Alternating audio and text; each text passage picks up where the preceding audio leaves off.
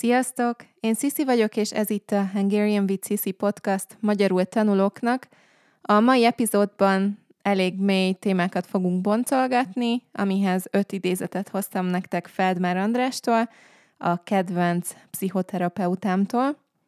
Mielőtt belevágnánk, szeretném megragadni az alkalmat, hogy megköszönjem Rafael támogatását, és sok szeretettel üdvözlöm az új Patreon tagokat is.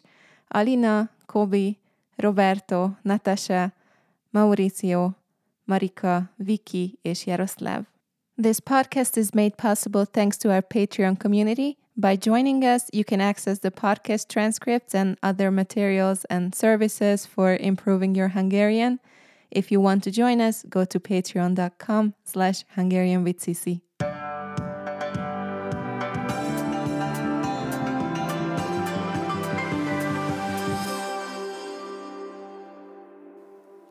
Nagyon boldog voltam, amikor előálltam ezzel a remek ötlettel, hogy Feldmár Andrásról fogok csinálni egy epizódot, mert a szívem csücske a pszichológia, nagyon érdekel a, az emberi lélek működése, és sokat szoktam róla olvasni. Feldmár András munkássága kifejezetten érdekel, ő az egyik kedvencem a témában. Voltam élő előadásán is Budapesten, olvastam rengeteg könyvét, láttam rengeteg videóját, és olyan jó gondolatai vannak, annyira elgondolkoztató minden, amit mond, hogy tényleg van, amikor napokig, hetekig egy mondaton gondolkozok, amit mondott, vagy amit olvastam tőle, és ezért gondoltam, hogy hozok nektek öt idézetet, amik a kedvenceim tőle, és amik nekem segítettek valamiben, majd mesélek hozzájuk személyes sztorit is, hogy az életemnek melyik szakaszában olvastam, esetleg miben segített, milyen más nézőpontot adott, de azt gondoltam, hogy először egy kicsit mesélnék nektek az életéről, csak röviden, és akkor utána nézhetjük a, az idézeteket. Szóval, Feldmár András 1940-ben született Budapesten, nem vallásos zsidó családban. Az egész életét befolyásoló trauma volt számára, hogy három és fél éves korában az anyját elvitték Auschwitzba, az apját munkaszolgálatba, a nagyanyját pedig a gettóba. Őt magát egy fiatal katolikus nő élete kockáztatásával megmentette, és másfél éven keresztül rejtegette. Amikor öt éves lett, az apja, az anyja és a nagyanyja szerencsésen visszatértek, és visszavették őt attól a nőtől, akit addigra már nagyon megszeretett. Aztán a családja végérvényesen, teljesen szétzilálódott, a szülei elváltak, és ő az anyjával és a nagyanyjával élt, az apjával nem volt szoros a kapcsolata, majd 1956. decemberében, 16 évesen az apja bíztatására, az anyja tiltakozása ellenére egymagában nekivágott a határnak, és a szilvesztert már Bécsben töltötte, és egy londoni kitérő után végül a Vörös Kereszt megtalálta a rokonait Torontóban, akik szállást és segítséget nyújtottak neki, amíg a maga lábára tudott állni, megtanult angolul, beiratkozott az egyetemre és munkát kerített magának. Érdekes, hogy először matematikus lett, majd filozófiával foglalkozott, de miután két házassága is tönkrement, öm, pszichoanalízisre kezdett járni, és emiatt az élmény miatt, ennek a hatására választotta végül a pszichoterápiát hivatásul. Számomra az a leghihetetlenebb, hogy ezek után is egy segítő szakmát választott, amiben olyan sokat ö, tud adni másoknak. Van is egyébként egy ilyen sorozata, ö, én úgy találtam rá, hogy ezt a videósorozatot kezdtem el nézni YouTube-on. Az a címe, hogy Agymosó. Ha érdekel titeket, Spotify-on is fent van podcast formátumban, és úgy nézett ki ez a műsor, hogy lehetett írni levelet, és ő olvasói levelekre válaszoltak és reagáltak egy másik pszichológussal, így ketten beszélgettek, és próbáltak kapaszkodót, segítséget nyújtani azoknak, akik írtak levelet, vagy valamilyen módon kielemezték a, az érzéseket, a történteket. Úgyhogy az is nagyon érdekes volt, azt nagyon szerettem hallgatni, és sok részt újra is néztem. És akkor most megosztom veletek öt kedvenc idézetemet, amik nagyon sok mindent új perspektívába helyeztek a fejemben. Először két idézetet hoztam nektek a szeretetről. Az első így szól. A szeretet bizonyítéka a szeretetben van, nem abban, aki szeret. Hogyha én úgy szeretlek téged, ahogy én akarlak szeretni, az teher lehet neked. Azért mondom, hogy meg kell ismerni, akit szeretek, mert úgy kell szeretnem, ahogy a másik akarja, hogy szeressem. Különben én mondhatom, hogy szeretlek, szeretlek, szeretlek, miközben te titokban arra vágysz, hogy meghalljak. Ezt nagyon sok ember nem érti szerintem, és, és elég jellemző, hogy manapság senki nem kérdez, mindenki csak megmond. Itt így ebben a kontextusban a megmond azt jelenti, hogy jól elmondja a véleményét, anélkül, hogy kérdezte volna bárki. Sok megmondó ember van. És csak olyan jó lenne, ha meg tudnánk kérdezni egymástól, hogy kinek mire van szüksége, hogy tudjuk a legjobban kifejezni a szeretetünket. Az a legrosszabb, amikor valaki a teljes ellentétét cselekszi annak, amit mond. Nem tudom, sok szülőnek például az a mániája, hogy ő tudja a legjobban, hogy mi jó a gyerekének, és mindenki elfelejti megkérdezni a gyereket, hogy mit szeretne. Nyilván most nem arra gondolok, hogy ha nem akar fogat mosni, akkor nem mosson, csak arra értem, hogy nagyon fontos lenne beszélgetni, kérdezni és meghallgatni egymást. Nem csak várni, hogy mikor marad csendben a másik, amikor végre elmondhatjuk a véleményünket. És biztos vagyok benne, hogy nem én vagyok az egyetlen ember a világon, aki szintén érezte már ezt, hogy valaki nem úgy szereti, ahogy szüksége lenne rá, és furcsa, hogy azt mondja valaki, hogy szeret, amikor én egyáltalán nem érzem, vagy nagyon összezavaró, hogy ha azt mondja, hogy szeret, akkor miért csinálta ezt, meg ezt, miért mondta ezt és azt, miért viselkedett így velem. Szóval szerintem ez egy nagyon jó üzenet arra, hogy figyeljünk egymásra egyszerűen, és engedjük el azt, hogy de hát én tudom, mi jó neked, meg nekem ez esne jól. Az nagyon jó, ha tudod, hogy neked mi esne jól, és azt is fontos kommunikálni. Tehát ez, ez egy tök jó üzenet arra, hogy a másikra is figyeljünk, kérdezzünk, kérdezzük meg, hogy neki mi esne jól, és figyeljünk a saját lelkünknek a jelzéseire, jelzéseire is, hogy, hogy nekünk mi lenne jó. És azt nyugodtan kommunikáljuk, és ha valaki nem úgy viselkedik velünk, akkor lehet szólni. Ezeket meg lehet beszélni a barátainkkal, a családtagjainkkal, a partnerünkkel. Persze néha ez nehéz, és sok idő, és van, amikor egyszerűen nem működik, mert a másik fel nem nyitott rá, és akkor nem lehet mit csinálni, de hát azért ez, ez egy nagyon bonyolult téma, nyilván nem lehet ennyivel elintézni, mint amennyi időm itt lesz ebben a podcastban, de gondolom, hogy értitek, hogy mire gondolok. Úgyhogy szerintem ez egy nagyon-nagyon fontos üzenet, és akkor nézzük is a második idézetet a szeretetről, ami egyébként az első kedvenc idézetem volt Feldmártól, ami nagyon megmaradt, és ez nem más, mint az, hogy onnan tudod, hogy valaki szeret, hogy az ő társaságában szabadabbnak érzed magad, mint amikor egyedül vagy. Emlékszem, hogy ez nagyon arcon csapott, amikor olvastam. A második komoly kapcsolatom 7 évig tartott, és nagyon hát mérgező volt.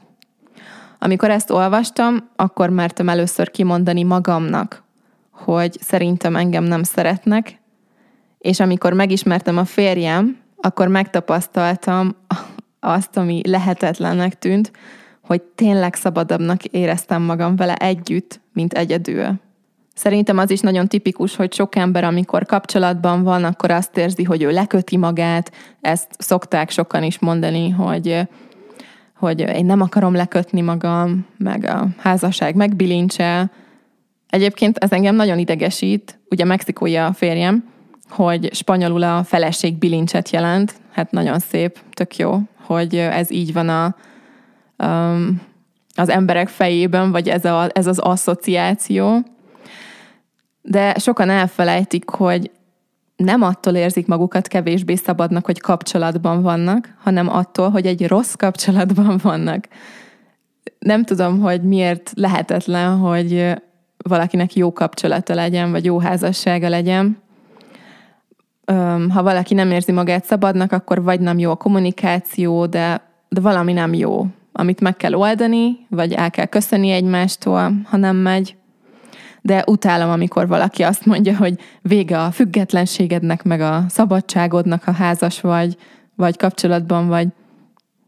Persze, hogy vége van, ha egy rossz kapcsolatban maradsz örökre, amiben nem érzed jól magad.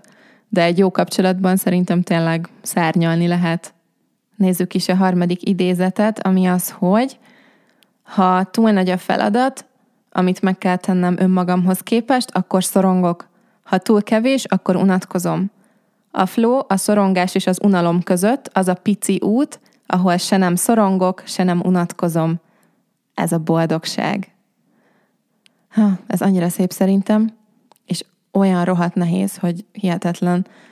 Nekem ez a legnagyobb küzdelmem mostanában, az a, annak a bizonyos arany középútnak a megtalálása az élet minden területén, mert az mindig jellemző volt rám, hogy nagyon csapongok, meg mindig átesek a ló túloldalára, és sokat küzdöttem azzal, hogy tényleg vagy szorongok, ö, annyira nehéz az, amit kitaláltam magamnak, vagy nem csinálok semmit.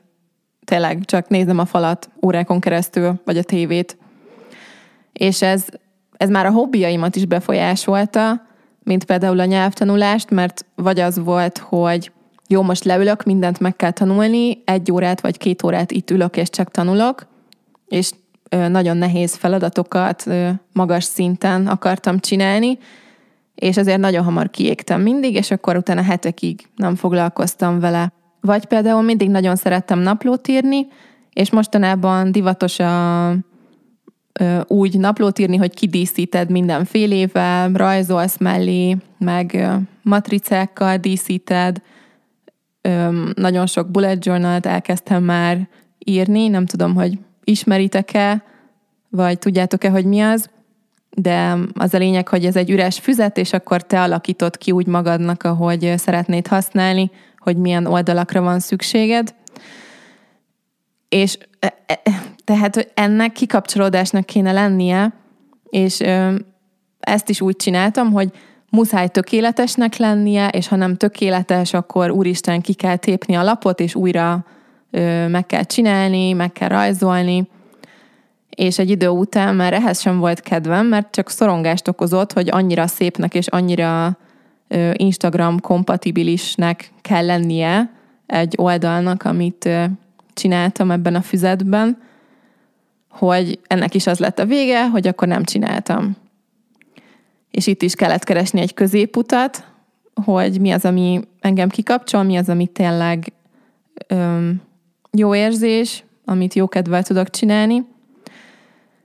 És elkezdtem egy új naplót a saját módszerem szerint. Szóval igen, és ugyanez a munkával kapcsolatban is, vagy az edzéssel kapcsolatban, vagy a, a kutyatartással kapcsolatban, tehát olyan szinten tudtam magam stresszelni azon, hogy valami nem tökéletes, mert olyan célt tűztem ki magamnak, ami nagyon nehezen volt elérhető, vagy egyáltalán nem is volt elérhető abban a pillanatban, túl hamar akartam elérni, hogy nem volt meg ez a flow élmény. Pedig a kutyákkal töltött idő az abszolút egy ilyen érzés, most már, hál' Istennek, mióta dolgoztam ezen, hogy ne úgy éljek meg velük minden percet, hogy a szorongás, hanem jól érezzem magam, meg el tudjak veszni a pillanatban. De azt hiszem, hogy ez az életemnek az egyik legnagyobb kihívása, hogy ezt az arany középutat megtaláljam minél több területen. Bár most lehet, hogy nem jól fogalmaztam, mert nem hiszem, hogy ez úgy működik, hogy jó, akkor most az a célom, hogy a munkában megtaláljem a középutat. Ez valahol belül van, egy belső egyensúlyon kell dolgozni, önmagadon, és, és aztán szerintem jön a többi magától. Aztán lehet, hogy nem így van, én most csak mesélem nektek, hogy én miket tapasztaltam, meg én hogy gondolom, és akkor ugorjunk is a negyedik idézetre, ami úgy hangzik, hogy hm, ezt egy kicsit nehéz elsőre megérteni szerintem, vagy lehet, hogy csak nekem volt az, de még nekem is el kellett olvasnom párszor, hogy megértsem, úgyhogy elmondom kétszer, kicsit lassabban. Szóval az idézet az, hogy inkább néznék szembe megválaszolhatatlan kérdésekkel, mint megkérdőjelezhetetlen válaszokkal. Inkább néznék szembe megválaszolhatatlan kérdésekkel, mint megkérdőjelezhetetlen válaszokkal. Remélem, hogy értitek. Lehet, hogy nektek amúgy teljesen egyértelmű volt elsőre. Én emlékszem, hogy nekem nagyon sokszor el kellett olvasnom, hogy felfogjam, hogy ez mit jelent de szerintem nagyon veszélyes, amikor valaki megkérdőjelezhetetlen tényként kezel valamit, vagy mindent, ami csak a véleménye. Azt is Feldmártól hallottam, hogy szerintem a normális ember, aki a közösséggel együtt tud lenni, aki nem őrült, állandóan kételkedik. Az őrültek soha nem kételkednek. Aki biztos valamiben, az az őrült. Hm, jó, jó kis gondolat mi. Nem tudom, sokan azt mutatják kifelé, hogy mindent tudnak, és mindenben biztosak, és a társadalom szemében is nagyobb elismerésnek örvend, aki mindig jól meg tudja mondani a magáét, mindig teljesen megsemmisültem, amikor nem tudtam valamire a választ, vagy nem voltam biztos valamiben, mert akkor ugye nem vagyok elég magabiztos, és az nem egy jó tulajdonság, Ma már máshogy látom ezt, és őszintén tudom tisztelni azt, aki kimondja, akár nagyobb közönség előtt is, hogy nem tud valamit, mint hogy mondjon valami szépen becsomagolt hülyeséget, csak azért, hogy úgy tegyem, mintha mindent tudna. És egyébként szerintem az az egyik legmenőbb skill, ha valaki jót tud kérdezni. Én mindig nagyon irigyeltem azt, aki például az iskolában is, ha mondjuk történelem órán beszéltünk valamiről, valamilyen történelmi eseményről, és mondta a tanár, hogy lehet kérdezni, vagy bármilyen előadás után az egyetemen, valamilyen gondolattal kapcsolatban. Nagyon irigyeltem, aki jó kérdéseket tudott feltenni, mert szerintem jól kérdezni nagyon nehéz. Vagy lehet, hogy mindenkinek könnyű, csak nekem nem, nem hiszem. De nekem ez volt a tapasztalatom, meg volt egy nagyon érdekes élményem is, egyszer részt vettem egy vitán, ez egy ilyen kerekasztal beszélgetés volt, és öten vettünk részt ezen a vitán, és nagyon érdekes volt megfigyelni, hogy volt kettő ember, aki soha nem kérdezett semmit. Mi hárman, a többiek pedig mindig csak kérdeztünk, és ők meg csak válaszoltak.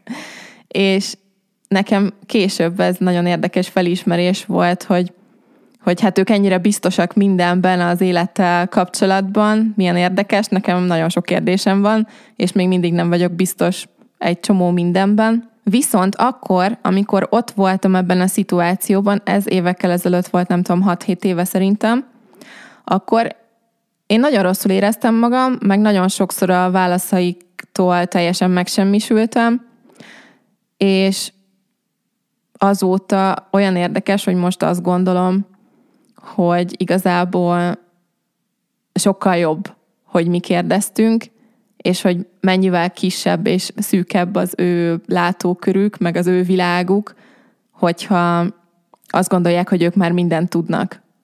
De szerintem olyan ember nem létezik, aki mindent tud, és ja, ezt gondoltam, hogy megosztom veletek. És akkor nézzük is az ötödik és egyben utolsó idézetet, amit hoztam nektek.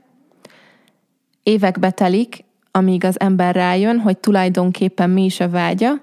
Évekbe telik, amíg kibogozza az igazságot, az elvárások, a programok, az utánzások tömegei közül. Teréz anya mondta, hogy a legjobb ima, ha az ember a szíve csendjére hallgat. Ez is annyira szép szerintem. És engem a meditációra emlékeztet egyébként, az volt az első asszociációm erről az idézetről. Az az élményem, hogy milyen volt először meditálni, milyen volt, ahogy gyakoroltam bizonyos életszakaszaimban, milyen érzés volt, és most milyen. És hihetetlen az az út egyébként, amit be lehet járni csendben ülve. Ez mindenkinek más szerintem teljesen, de nekem nagyon-nagyon nehéz volt az elején. Nem gondolom, hogy bárkinek azonnal könnyű, de egyébként is sok problémám volt a légzésemmel mindig, és amikor legelőször meditáltam, vagy amikor az életemnek egy nehezebb szakaszában voltam, akkor én konkrétan azt éreztem, hogy meg fogok fulladni, ha csendben maradok egy helyben. Annyira szükségem volt a zajra, arra, hogy ha főzök, mindig menjen egy podcast, ha takarítok, menjen a tévé. Egy, még a, már a zuhanyzóba is bevittem magammal a telefonomat, hogy ott is podcastot hallgassak, vagy valamelyik barátomnak a hangüzenetét, és tényleg egy másodpercre nem voltam egyedül a gondolataimmal, és nagyon sokszor volt ilyen élményem, hogy amikor mondjuk joga óra után, mert Magyarországon még nagyon sokat jártam jogázni, akkor joga után mindig volt egy 20 perces meditáció, és ahogy csendben kellett maradni, azonnal elsírtam magam. És a legtöbbször nem tudtam megmondani, hogy pontosan miért, de hát nem tudom, kijött a sok szorongás egyben, és szerintem tényleg nem véletlenül mondják, hogy meg kell tanulni csendben is öm, ellenni magadban.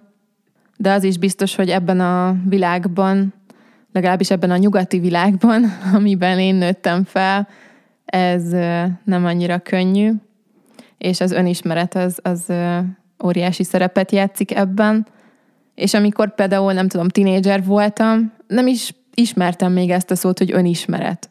Ez egy teljesen új szó szerintem, ami vagy bejött a, a szókincsünkbe, vagy pedig csak annyira nem volt a köztudatban, pszichológiában biztos használták előtte is, de hogy én nem hallottam róla soha. És utána pedig mindenhonnan az elmúlt, nem tudom, három-öt évben mindenhonnan csak ezt hallom, hogy az önismeret mennyire fontos, bármiről van szó, az életed bármelyik területéről, az, hogy megismert önmagad, hogy tud, hogy hogy működsz, és szerintem ahhoz, hogy megismerd önmagad, hogy tisztában legyél a, a vágyaiddal, hogy, hogy tényleg meg tud különböztetni azt a hangot, ami a fejedben van, attól, hogy ez most valaki másé-e, nem tudom, ez anyukám hangja, ez a barátaim hangja, ez a társadalom hangja, vagy ez az én hangom.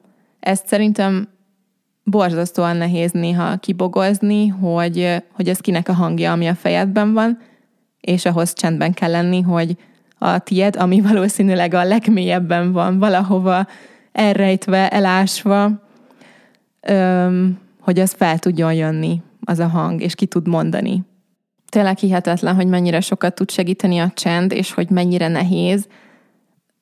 Annyira furcsa ezt befogadni, hogy hát le kell ülni, és csendbe kell maradni, és akkor és be kell csukni a szemed. És ez nehéz? Borzasztóan nehéz. Nekem legalábbis biztos. Egy ö, csoportos meditáció alkalmával volt egy nagyon durva élményem, amikor tényleg feljött ez a hang, amiről itt most ö, beszéltem nektek, az, az az én saját hangom. Akkor voltam ebben a toxik, mérgező kapcsolatomban, és már, már évek óta tudtam, hogy nem akarok ott lenni, de soha nem mertem kimondani. Nem is tudtam, hogy én akarok szakítani, hanem mindig valami másra fogtam, hogy velem nem jó valami, nekem kéne változnom, én nem vagyok elég jó. És volt ez a csoportos meditáció, és ott volt egy ilyen élményem, hogy tényleg, mintha a testemben így utazott volna, egy ilyen nagy utat tett volna meg, valahonnan lentről feljött egészen a torkomon keresztül a számig, az, az a mondat, hogy én szakítani akarok. És ezt ki tudtam mondani akkor magamnak, és ott lettem teljesen biztos ebben. Úgyhogy szerintem a csendnek tényleg óriási ereje van, és nagyon sokat tud segíteni, és én hiszem, hogy gyakorlással ez egyre könnyebb és könnyebb lesz, és ezt, hogy könnyebb lesz, nem úgy értem, hogy mindig élvezni fogod a meditációt, hanem úgy értem, hogy azokon a napokon is, amikor nehezebb, vagy nem megy olyan jól, vagy nagyon elkalandozik a figyelmed, vagy nagyon nem kényelmes, egyszerűen nem akarsz ott lenni, akkor is tudsz empátiával fordulni magad felé, és nem az lesz a végkimenetele a meditációnak, hogy hát ez szar volt, mindegy, nem sikerült, béna vagyok, hanem el, el tudsz jutni oda, hogy kívülről figyeled magad, és ítélkezés nélkül meg tudod állapítani az érzéseidet. Tehát anélkül, hogy hozzátennéd azt, hogy szar vagyok, ki tudod mondani, hogy ma nehéz napom van, ma szorongok, ma nagyon félek valamitől. És ehhez nem kell társítani semmi olyat, hogy nem vagyok elég jó, hanem egyszerűen csak megfigyeled, hogy milyen érzéseid vannak.